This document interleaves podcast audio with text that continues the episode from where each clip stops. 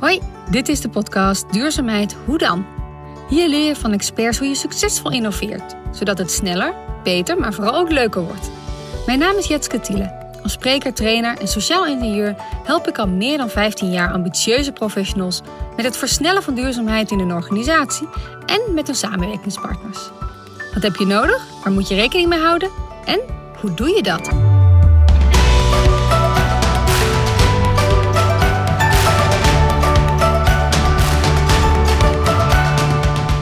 Als ik mijn oordeel uitstel, dan ga ik plotseling blijven kijken naar wat er nog meer kan. En dan geef ik mezelf een ruimte om daar een antwoord te vinden. Dus dat is eigenlijk de enige tip die ik uh, zou kunnen geven, is dat. Want daar is het te vinden. Je hebt je eigen antwoord al lang. En een, een consultant inhuren die advies geeft, is niet duurzaam. Ja, ik, ik schop tegen heel veel zere benen, ook tegen de jouwe misschien wel. Maar het is het niet. Het is het niet. Het is veel interessanter om iemand in te huren en te zeggen: Oh, ik vind het zo vet dat jij bij ons komt.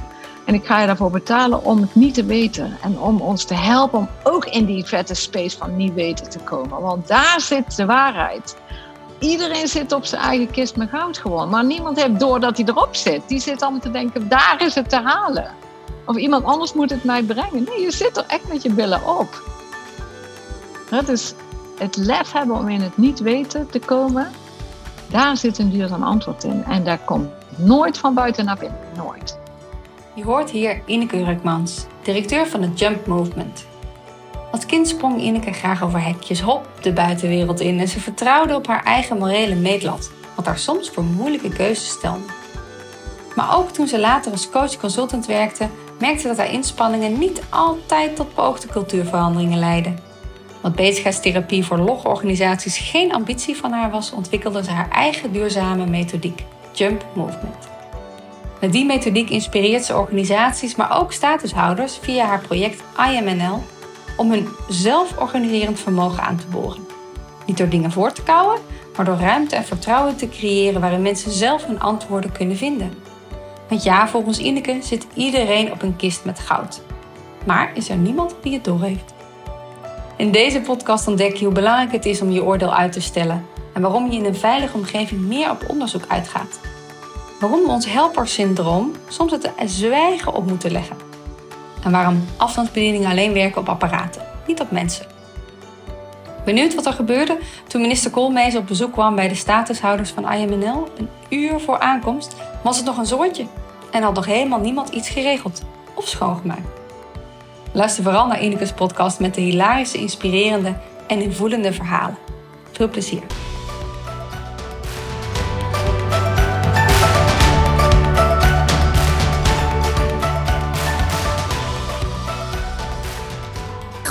Goedemiddag Ineke.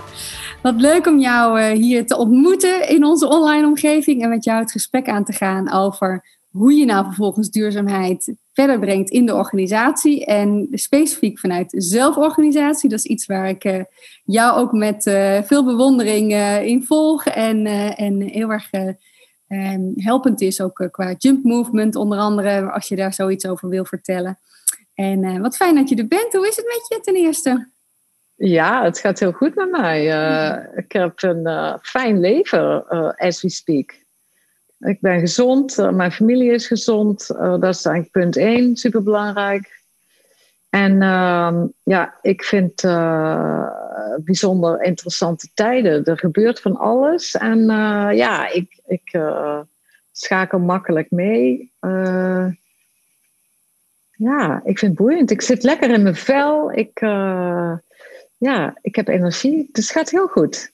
Belangrijk, dat is fijn. En Malita is mijn eerste vraag en natuurlijk ook, wat is voor jou duurzaamheid en op welke manier eh, geef je daar invulling aan eh, thuis? Maar jij, kijkt er nu letterlijk doorheen, of niet? Uh, Kijk even naar mijn duurzame bril. Ja, hij is in ieder geval groen van kleur. En ik dacht ook, ik heb mijn jasje aan met mijn groen. En, ik heb de achtergrond met groene plantjes. Nou ja, dat, dat, dat is mooi symbolisch, denk ik, voor ons gesprek. Hè? Groen en duurzaam, maar ja, om maar meteen even in te zoomen op jouw vraag, wat betekent duurzaam dan voor jou? Dat, eh, eh, eh, groene en dat uh, environmental stuk, dat is één onderdeel. ik kijk ook echt veel ruimer naar dat begrip duurzaam, want voor mij gaat duurzaam eigenlijk ook echt veel meer over wat is nou de impact op langere termijn en hoe, hoe kan het echt uh, inclusief worden van de mensen die het aangaat en de wereld die het aangaat. En ja, daar gaat het voor mij eigenlijk heel veel over. Dus los van het feit dat ik al 28 jaar geen vlees eet, uh, dat ik nooit alcohol drink, dat ik een, eh, een 100% elektrische auto heb. Dat zijn voor mij bijzaken eigenlijk die gewoon vanzelfsprekend zijn. Dat zijn dingen die je niet, niet kan doen, dus bijna meer deze tijd. Hè? Want waar zit de belasting? Ja, kijk ik veel meer naar um, alles waar ik mijn tijd in stop, hè, waar ik aandacht aan geef of energie in stop, heeft dat een langdurig effect op andere mensen of op een situatie. En daar, ja, daar, daar zit mijn duurzame meetlat eigenlijk ook heel vaak in. Ja, want dus het gaat echt over, ja, hoe, met wie ga ik om? Weet je wel, eh, eh, dan denk ik, oh, dit is een uur van mijn leven.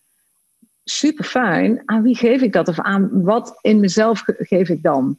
aan, van, aan de ander, snap je? Dus ik heb wel een aantal hele mooie praktische voorbeelden, maar ja, dus een beetje in de filosofische zin ter inleiding.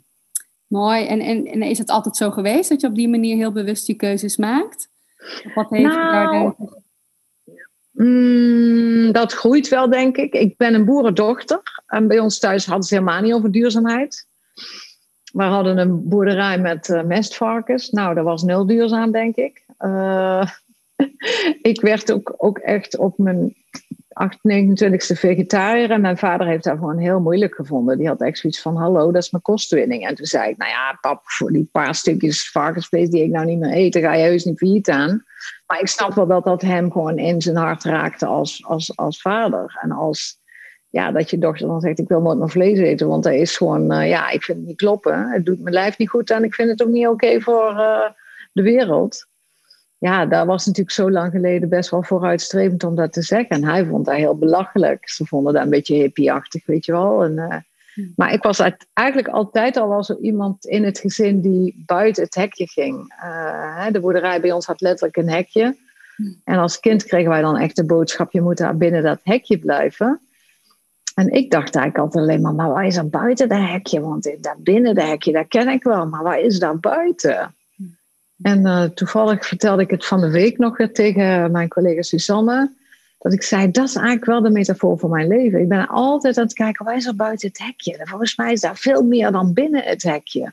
Zo die, dat vuur en die nieuwsgierigheid van, van buiten dat hekje, zeg maar. Hè? Mooi. Wat heeft het jou gebracht om buiten dat hekje te, eens te gaan kijken?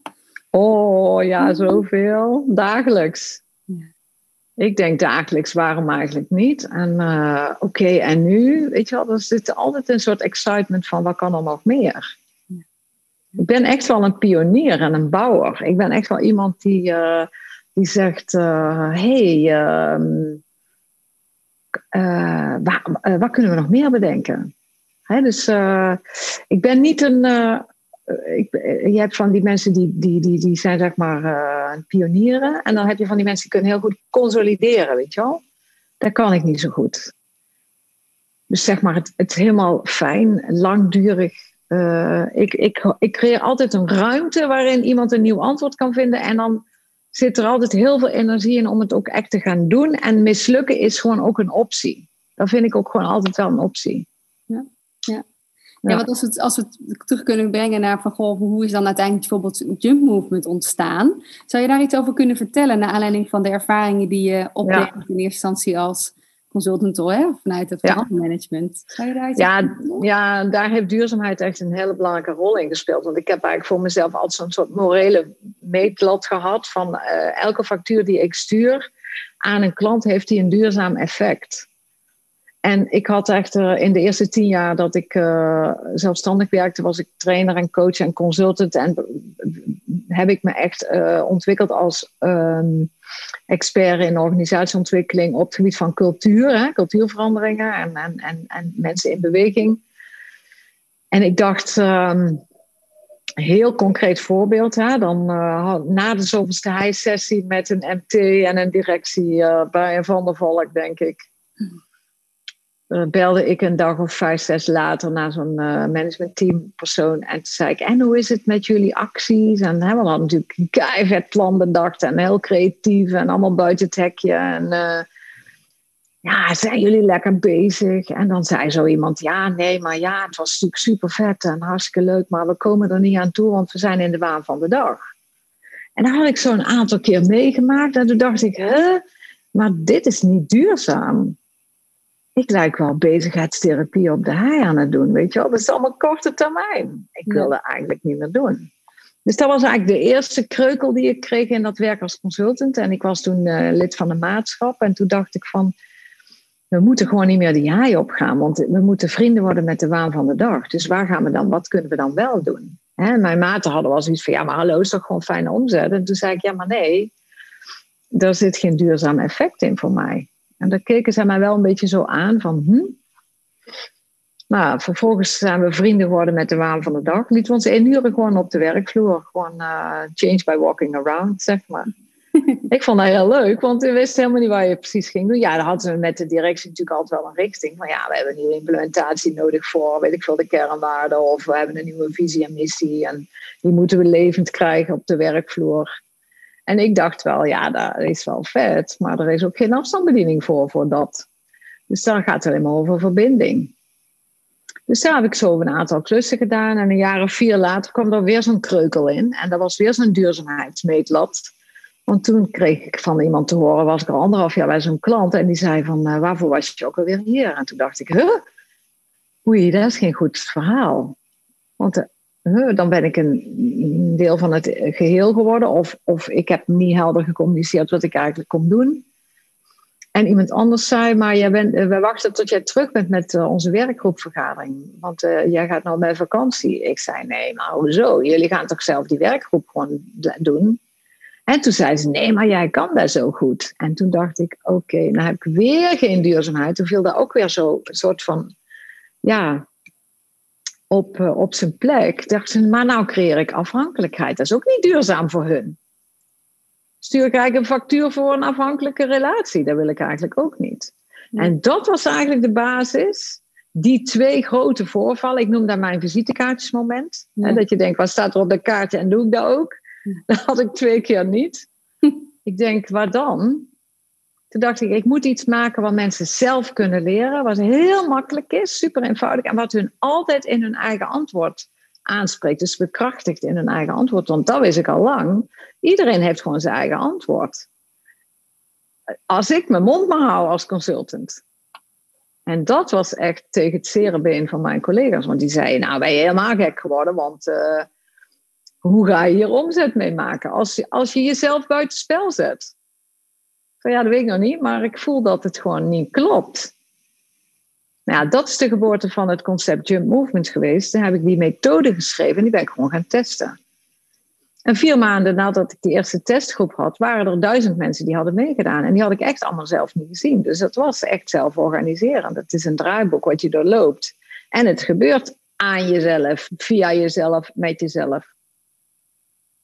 Nou, dat is echt magic. Ja, en dat is tien jaar geleden, zeg maar. Precies, jij kan het beamen. Zelf als, als deelnemer in eerste instantie, uh, volgens mij in het studentenhotel in uh, Eindhoven een keertje. En, uh, en uiteindelijk ook een keer toegepast. En het is, het is heel krachtig, omdat het heel erg gaat naar um, niet antwoorden geven voor de ander, maar antwoorden zoeken in jezelf, van de vraag van de ander.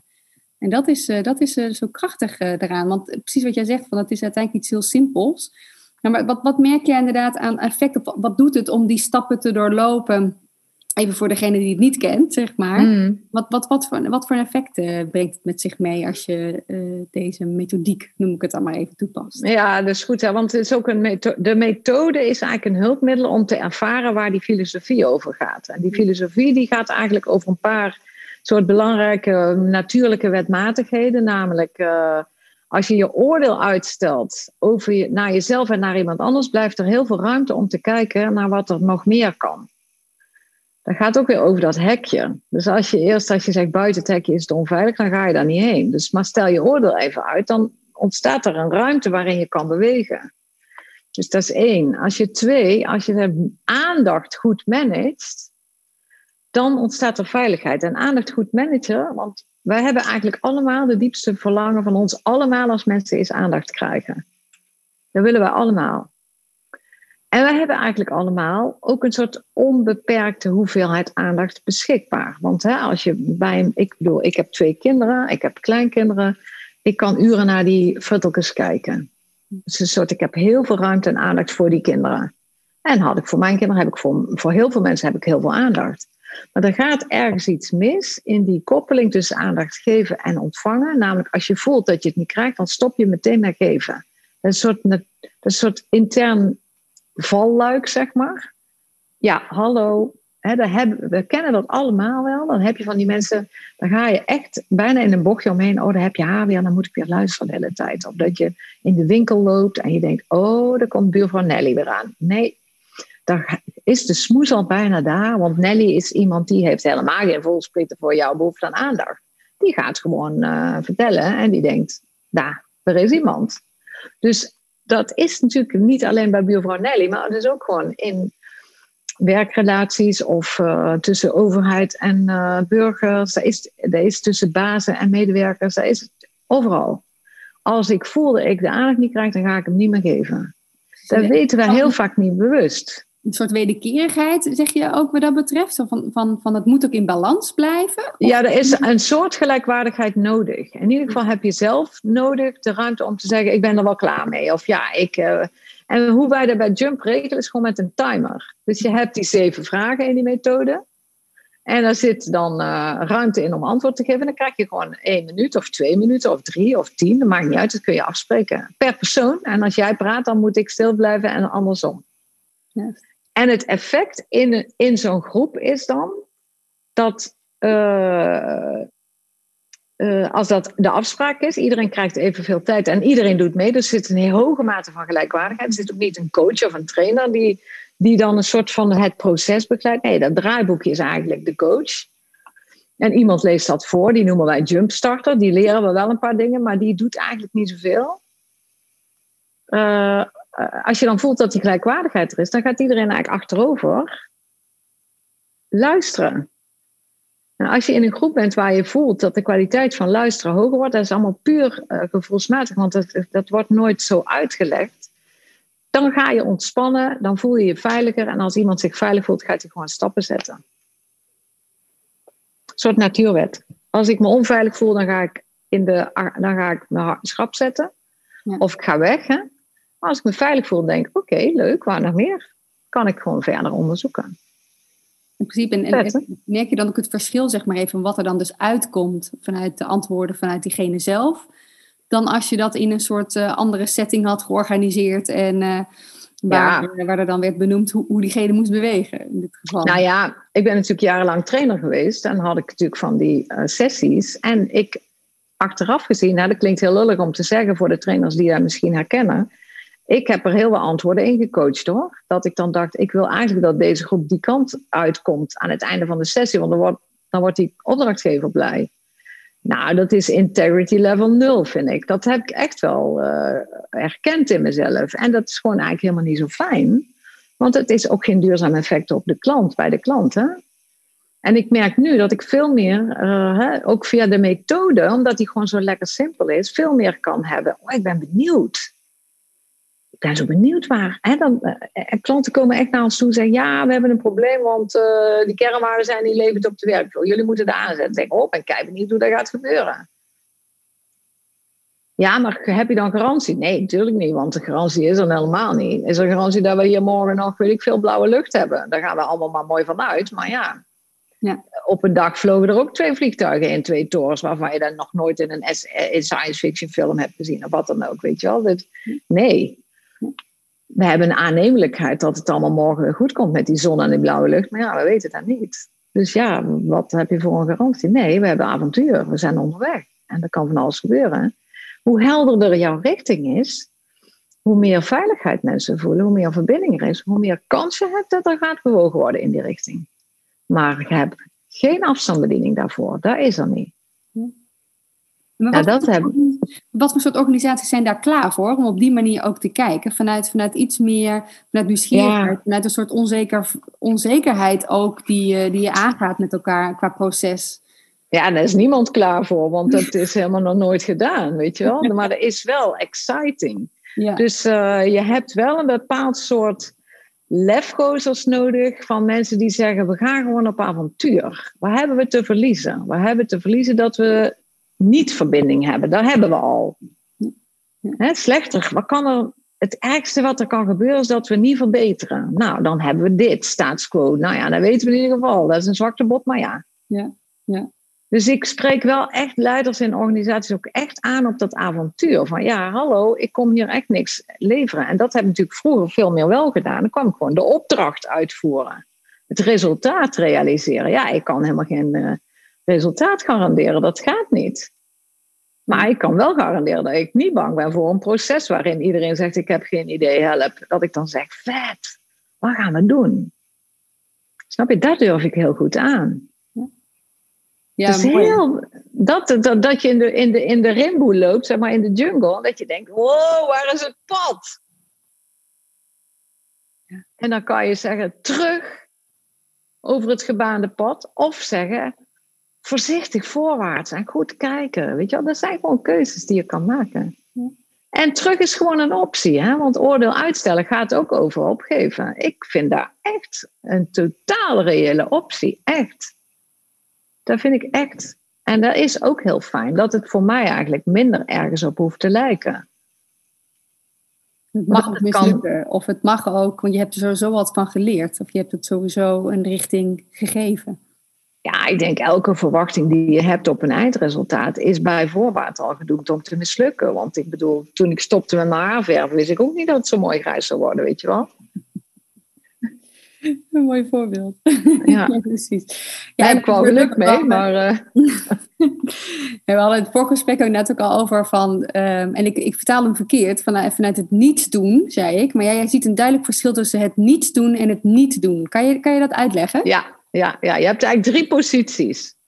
Je hebt iets doen, daar doen wij de hele dag. We denken de hele dag voor andere mensen. Oh, dan moet je zus doen, dan moet je de Kamer van bellen. Oh, dan moet je dat boek lezen. Oh, dan moet je die film kijken. Oh, dan moet je die persoon bellen. Iets doen, de hele tijd bezig zijn met dingen buiten ons. Tu, tu, tu, tu.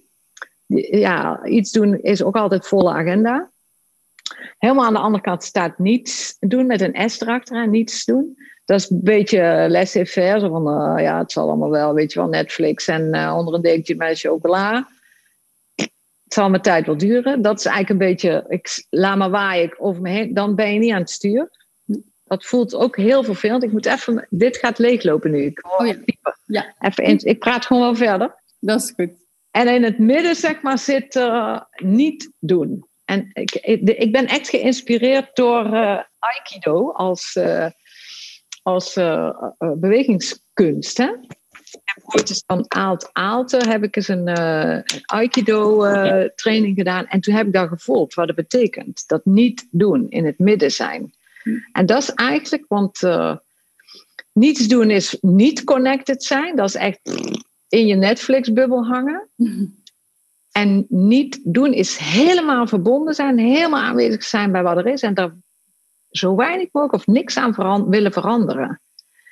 Maar heel erg zitten in die zin van, ik ben benieuwd. Of en nu, weet je wel, dat, meer dat, oh, waar is er in het verhaal, spannende verhaal wat dan komt. Want dat is natuurlijk waar, waar we gewoon met z'n allen in zitten, in een spannend verhaal wat, wat het boek dat wordt geschreven terwijl we in het verhaal zitten. Snap je?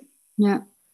dus daar, uh, dat, daar definiëren we dingen. En jump movement zit helemaal in die middenpositie niet doen. Ik, uh, de werktitel van het boek wat ik ga schrijven heet waarschijnlijk ook niet doen. En dat is best wel spannend. Hè, want als iemand voor je ogen in tranen uitbarst en, en help schreeuwt en ik, ik verzuip of weet ik veel, mijn mijn bedrijf gaat. Ja, daar zijn dan noodsituaties. Kijk, als er brandweer nodig is, moet je gewoon niet vragen. Uh, als er iets is om te helpen, roep je me dan? Nee, dan ga je gewoon bellen. Maar in, er zijn maar heel weinig situaties dat er echt moord en brand is. Maar in het algemeen, weet je wel, als ik zou zeggen tegen jou, oh, ik ben zo moe de hele tijd, dat jij dan meteen zegt, oh, maar dan moet je eigenlijk even die spirulina nemen, of weet ik wel wat, weet je wel. En ik val in die valkuil vaak genoeg. Dus het is voor mij ook echt ja. een les hoor. Om inderdaad in het niet doen te blijven. Ja, want het, we kunnen er bijna niet aanzien, uh, Jeske, om, uh, om iemand te zien lijden. Ja. We hebben een soort helper-syndroom in ons allemaal. We zijn eigenlijk allemaal, ik moet je het wel fixen. Jij moet je wel beter voelen. Terwijl ik denk, uh, ja, wij hebben ook allemaal dieptepunten in ons leven ervaren. Jij en ik allebei. Diepte, de, de putje, het? De bodem van het putje hebben we allemaal ooit gezien. En ik denk dat wij allemaal weten dat je krachtig wordt als je zelf eruit komt. Dat als hè, ik heb ook zo'n bodem geraakt dat ik voelde, er staat niet eens een ladder in mijn put. Ik kan, uh, hoe kom ik hier uit? En dat ik dan figuurlijk gezien zelf ben begonnen, begonnen met ladder te timmeren. En dat heeft mij zo empowered. Dat is een basis voor wie ik nu ben in mijn leven.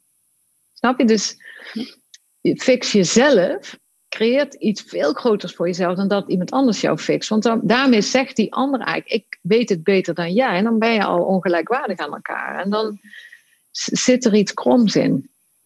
Ja, en dit, is, dus- dit is een ultiem voorbeeld van hoe je dat ook niet alleen toepast in jouw eigen leven en in de relaties die je met mensen aangaat, maar ook hoe hmm. je daar met IMNL um, uh, mee omgaan. Um, kan je daar iets over vertellen? Hoe, hoe je dat. Uh, ja.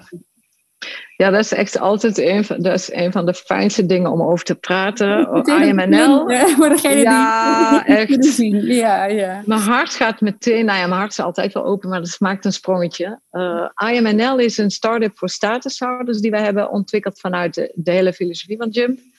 En we hebben de mogelijkheid gekregen om een project te draaien voor drie jaar in Veldhoven, gemeente Veldhoven. En de opdracht was: creëer voor minimaal 25 mensen zoveel mogelijk uh, baan en werk en uitstroom uit de uitkering. En laat die help mensen inburgeren.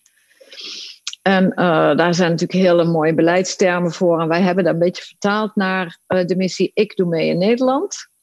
En daar houdt in inburgeren en werken. En we hebben gezegd: heb je daar zin in, dan kom je. Heb je daar geen, geen zin in, dan moet je hier niet wezen, want wij doen dat.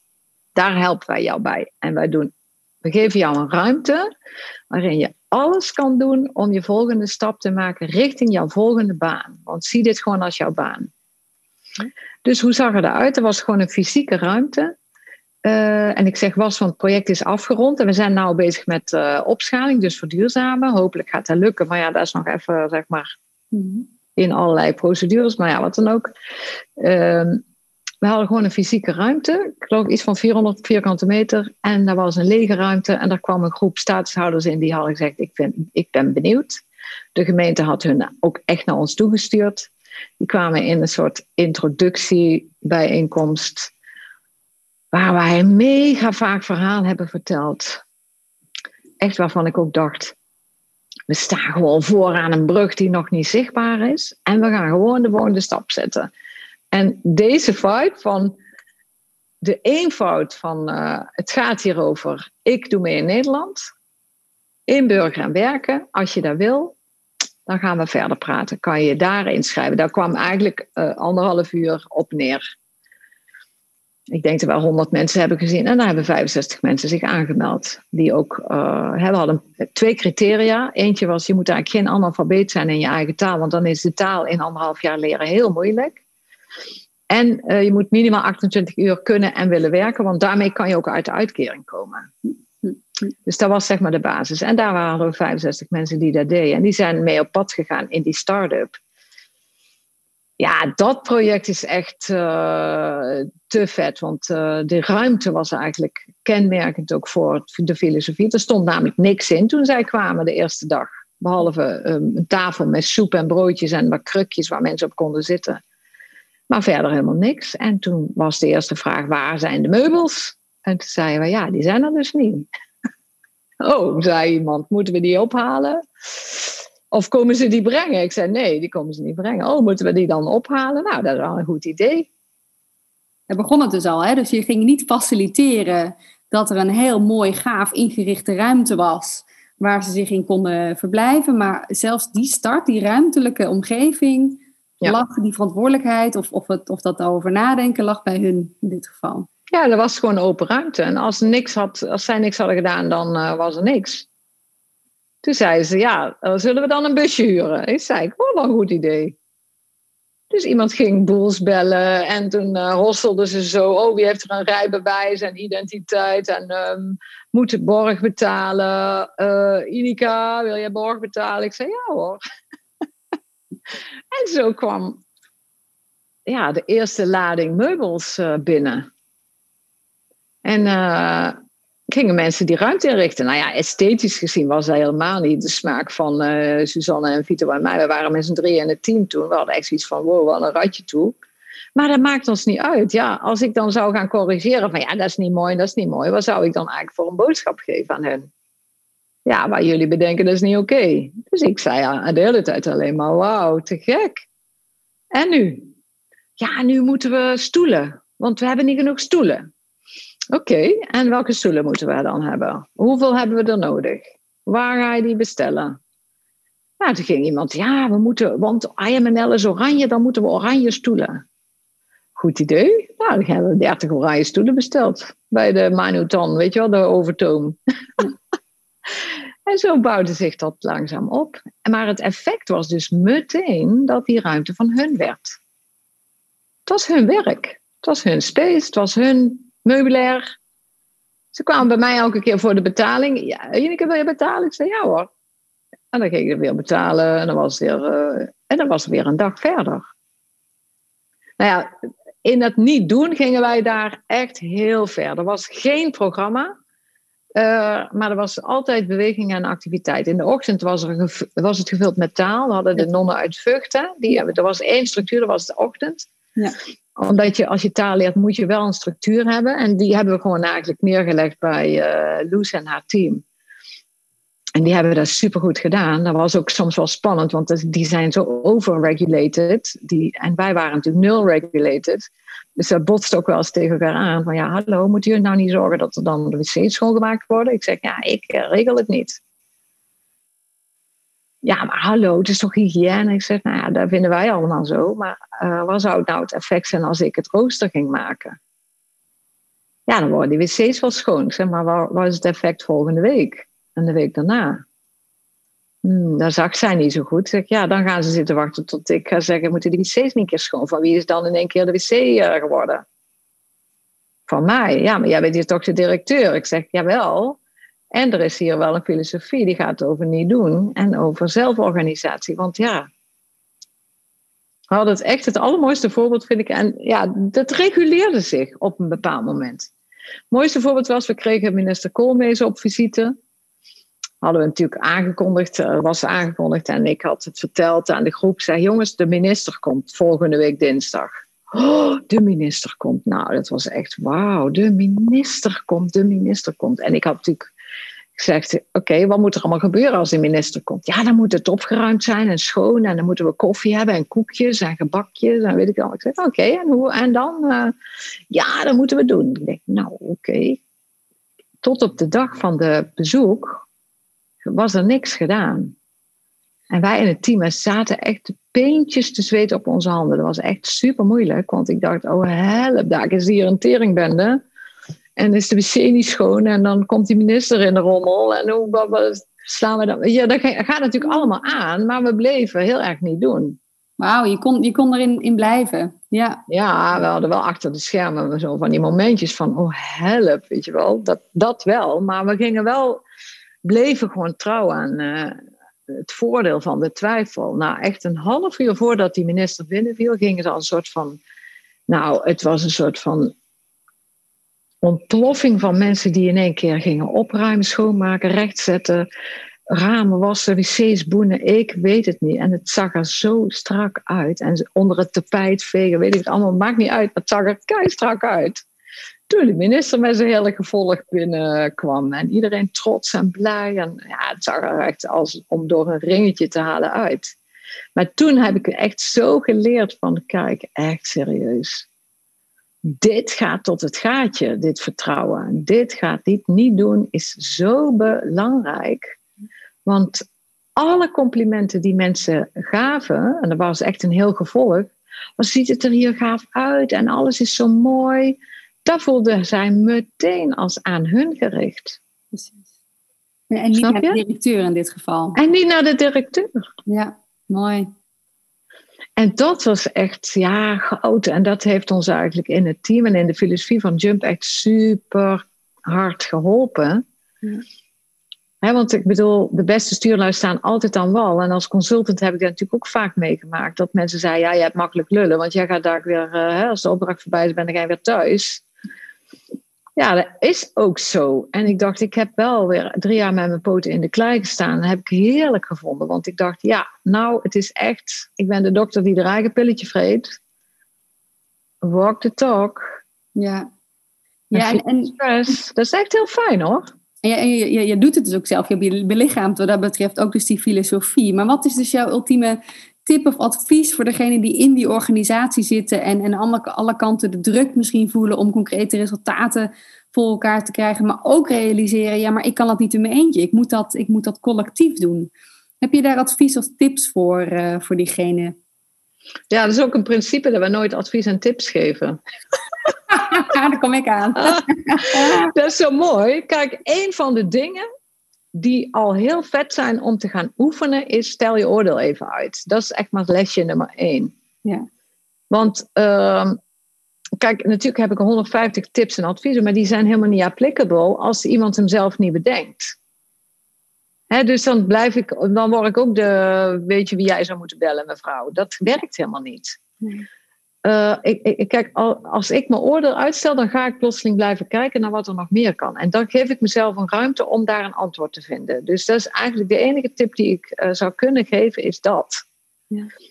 Want daar is het te vinden. Je hebt je eigen antwoord al lang. En een, een consultant inhuren die advies geeft, is niet duurzaam. Ja, ik, ik schop tegen heel veel zere benen, ook tegen de jouwe misschien wel, maar nee, het is het niet. Ja, het is het niet. Nee. Het is veel interessanter om iemand in te huren en te zeggen: Oh, ik vind het zo vet dat jij bij ons komt. En ik ga je daarvoor betalen om het niet te weten. En om ons te helpen om ook in die vette space van niet weten te komen. Want daar zit de waarheid. Iedereen zit op zijn eigen kist met goud gewoon. Maar niemand heeft door dat hij erop zit. Die zit allemaal te denken, daar is het te halen. Of iemand anders moet het mij brengen. Nee, je zit er echt met je billen op. Ja, ja. Het is ja.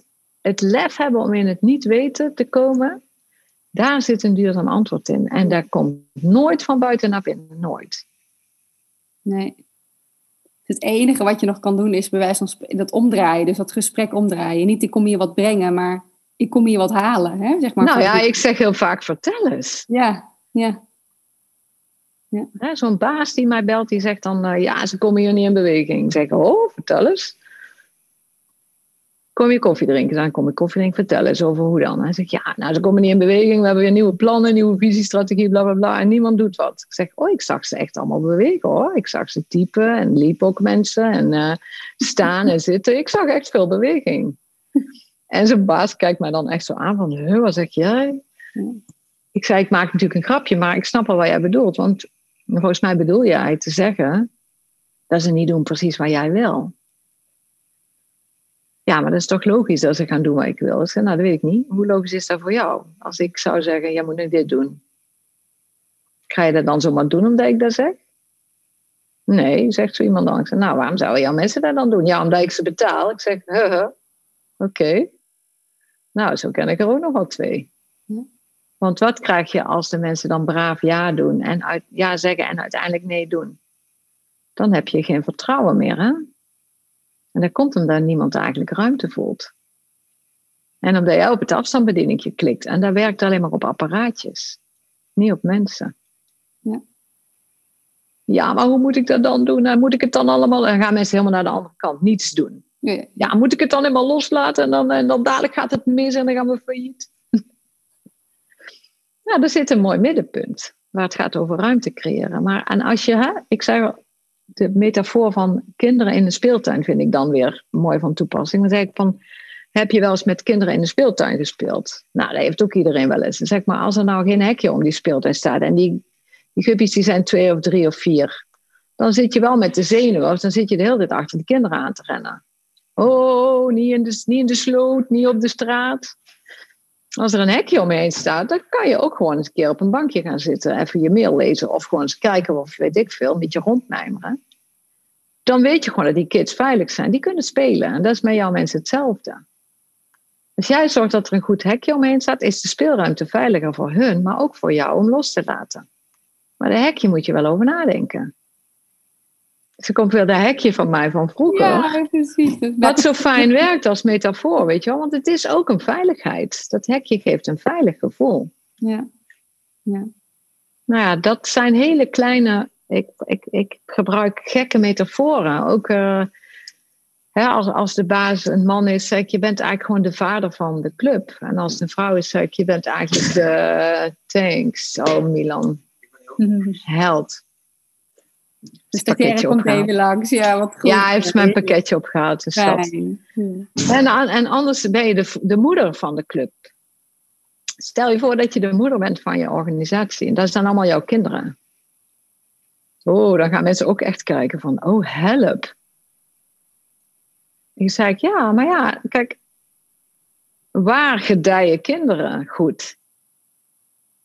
Die gedijen goed als ze empowered worden in wat ze doen. Of dan, nou, hè, als jouw kind van drie of twee of één een brandweerauto tekent die blauw is en je zegt dat is fout, dan gaat er iets bij dat kind gebeuren. En als je tegen dat kind zegt: Oh, jij vindt tekenen leuk, hè? Ja, vind ik leuk. Die gaat heus wel een keer zien dat een brandweerauto groot is. Die denkt: Oh, fuck, dat klopt niet. Want die ziet hij op een tekenfilmpje of in een boekje of buiten op straat. Die denkt, oh, dat is de andere potloodje. Zelforganiserend. Ja. Dus we helpen de ander meer door inderdaad aan te moedigen, door complimenten te geven over wat er goed is. Dan continu te corrigeren over wat er nog beter kan. Of welke ja. zouden moeten hebben. Ik heb nog wel een tip voor je. Nee, maar complimenten, dat is, nee, maar dat is ook echt, die complimenten, Jeske, die zijn ja. zo vet. Want die maken ook gewoon fijne stofjes aan in je brein precies. Als je een applaus of een compliment krijgt, dan maakt dat meteen uh, serotonine en dopamine aan. Ja. Ja. Bij jezelf en bij degene die het geeft. Beide. ja. ja. Ja. Dus er zit een constante, als je alleen maar dat doet, ben je zelf ook de hele tijd blijer. Ja. Wat een goed idee. Hè? In plaats van zeggen, ja, maar dat is niet goed genoeg. kan altijd beter. Iemand, ja, nee. ja, ja, dan zegt iemand, zal ik dan... Uh, hè, Milan zegt dan, zal ik dan uh, het in die grote witte enveloppen doen? Hij moest een verzending maken vandaag. Ik zei, oh, wat een goed idee. En dan komt hij zelf met het idee. Die gele zijn misschien wel beter, want die kunnen door de brievenbus. Hé, hey, wat goed. Hm. Supergoed plan. Ja. Precies, dat is een mooie. Ja. Dus in ja, precies. Want hoe... Het is eigenlijk het is moeilijker om in het niet doen uh, iets te doen dan uh, te gaan corrigeren. Ja. Iets doen is eigenlijk het makkelijkste, maar dat is een soort korte termijn bevrediging. Daar zit nul duurzaamheid in. Want ja. één, je bent zelfs, denk je, ik heb iets gefixt. Hè? Dat is een groene vink op je lijstje. Oké, okay, ja. probleem opgelost. Ja. Maar het is niet duurzaam, want die andere persoon die denkt, ja, fuck, weet je wel, morgen heb ik weer het probleem, dan kan, kan ik weer niet verder. En dan is dus geen duurzame uh, uh, bekrachtiging van die persoon zelf. Ja. Die zal alleen nog maar weer opnieuw naar je kijken van, oh help, ja. Ik weet weer niet hoe het moet. Ja. Ja. Nee, fantastisch Ineke. Ja, dat is precies ook waarom ik heel graag uh, uh, wilde uitnodigen voor de podcast. Precies ook om vanuit dat aspect van het de mens veel centraler zetten in het uh, thema rondom duurzaamheid, waar over het algemeen natuurlijk snel gaat over het milieutechnische of de materiaalkant. En dat is ook een hele belangrijke opgave. Maar uh, precies, hij is breder dan dat. Het gaat uiteindelijk over de mens uh, bekrachtigen of bestendigen in zijn rol uh, en, en veel centraler zitten. En dat is precies wat jij doet. Heel inspirerend en heel mooi om dat op die manier te voorleven. Dus laten we daar zeker geen, niet als een tip, maar wel als een suggestie om op die manier de aanpakken te, te bekijken. Als een optie. Ja, ja precies. En hoe zou jij, ik ben even benieuwd als jij ehm, duurzaamheid zou zien als, uh, als een liedje? Of welk liedje staat voor jou symbool uh, voor uh, duurzaamheid? Want jij bent ook muziektechnisch heel erg actief betrokken. Heb jij daar een voorbeeld van? ja, die vraag had je mij gesteld, daar heb ik geen seconde over nagedacht. die was nog. Ja, er komt er nu een heel intuïtief antwoord. Kijk, ik ben een fan van Queen. Hmm. En dat was ik vroeger al. Hè, toen uh, want ik denk dat Queen voor mij belichaamde buiten het hekje spelen. Uh, en ik vind Bohemian Rhapsody, dat is echt misschien wel het nummer wat voor mij gaat over duurzaamheid. Omdat het, nou ja, honderdduizend jaar al op nummer 1 in de top 2000 staat. tot Danny Vera, die ik echt helemaal te gek vind. Maar anyway, dat nummer gaat al over zoveel generaties. Ehm, dus ik denk dat Queen, hè, dus Freddie en de mannen, ja, die hebben mij eigenlijk altijd wel, uh, ja, er is meer buiten het hekje. En dat nummer heeft zoveel super gave aspecten in zich. Van opera tot aan uh, ja, bijna tribal-achtige uh, ja, en rap-achtige. Dat is zo'n goede combinatie van heel veel verschillende muziekstijlen. Ja, ik denk dat Bohemian Rhapsody, dat is echt wel de ultieme duurzaamheidssong voor mij. Maar ook omdat zij dit met z'n vieren gemaakt hebben. Ja. Die diversiteit benoem je volgens mij dus ook, dat hoor ik uit jou. Ja, zeker, zeker, zeker. Ja. En toen, want ik ben nu 58 jaar, dan was ik zeg maar 18, 17, weet je wel. Toen was Queen natuurlijk echt uh, booming. Ik had al die LP's en daar vond ons moeder vond dat heel raar. Die zei, wat is dat voor muziek? Ja, precies. Precies. Toen was ik al buiten het hekje aan het kijken, weet je wel. Ja, oh heerlijk. Ja, wat is, wat is wat jou betreft nog uh, als laatste de, de, ja, de suggestie die je wil doen uh, in, zeg maar voor de luisteraar als afsluiten, jouw droom? Oh, mijn droom, ja. Het gaat echt over verbinden. En ja, meer niet doen dan wel doen. Ja, ik weet het niet. Ik heb een suggestie. Heb ik een suggestie? Ik weet het niet. Nee. En die verbinding is wel heel mooi. Gewoon een beetje voelen, weet je wel? IJsraak aan de hand, ja. een beetje zo in het hier en nu. Oh, wat boeiend. De, de feiten, weet je wel? Uh, en ook de waarheid is niet één. Er is in jou een waarheid, er is in mij een waarheid. En zo super interessant om die van elkaar te horen. Hè, we hebben met corona natuurlijk ook, hè, wie heeft hier de waarheid? Ik denk niemand. En dus is het ook gewoon waste of my time om ermee bezig te zijn. Is mijn mening, hè? Dus ik, ik volg gewoon, ja, ik volg gewoon de, de lijn. Uh, en ik denk, als iemand tegen mij zegt, ik, je weet niet wat de waarheid is, ik, nee, dat klopt, want dat weet volgens mij niemand en dat is ook prima. Ik maak me ook niet uit. want uh, het ene onderzoek wordt door het andere onderzoek weer lekt. En dat is allemaal prima, dat is ook wetenschap, dat vind ik ook prima. Dus ja, er is geen waarheid. De waarheid is wat in het hier en nu voor mij en van jou geldt. Los in onszelf. En daar ben ik mega nieuwsgierig naar. Oh, vertel eens. Wat denk jij? Weet je dat? Ja, dat heb ik echt wel van jou geleerd. Om ook uh, stil te staan en wat meer naar het gevoel te gaan. Ook vanuit het onthaasten. Uh, Ook tijdens de jump movement, maar ook uh, voor jou als mens, zeg maar. ook wat je doet met, met flow en met de, met de DJ. En um, je mag best eens gewoon eens stilstaan en gewoon eens onderzoeken bij jezelf. Wat voel je en, en wat is vanuit daar een nieuwe stap. En niet vanuit een soort actiegerichtheid. Ja. Dankjewel. Ja, dat komt dan altijd vanzelf, weet je wel. Je kan eigenlijk niet niet bewegen, dat is ook zo fijn. ja, precies. Die ruimte nodigt altijd uit. Maar het is meer leuk, weet je wel. Ik vind het zelf altijd heel fijn om te kijken. Oh, ik ben benieuwd wat er komt. Ja, ja. Ja, ja. is Dankjewel, Jinneke. Mm, jij bedankt. Je luisterde naar de podcast Duurzaamheid Hoe dan? Wil je meer weten over de zelforganiserende methodiek van Jump Movement en het niet doen? Kijk dan voor de show notes en inspiratie op www.jetsketiele.nl podcast. Ik ben heel benieuwd hoe jij naar dit gesprek kijkt naar jouw eigen vraagstukken en drijfveren richting verandering. Stuur het gesprek rust door naar iemand die het zeker ook zou moeten luisteren. Laat je me weten wat je eruit hebt gehaald. Hartstikke leuk om een berichtje van je te krijgen. Volg me op Instagram of LinkedIn. Stuur me een appje of mailtje. Waardeer het echt heel erg. Dankjewel voor het luisteren en leuk dat je erbij was. Heel veel ontdekplezier in jouw reis richting duurzaamheid. Graag tot de volgende.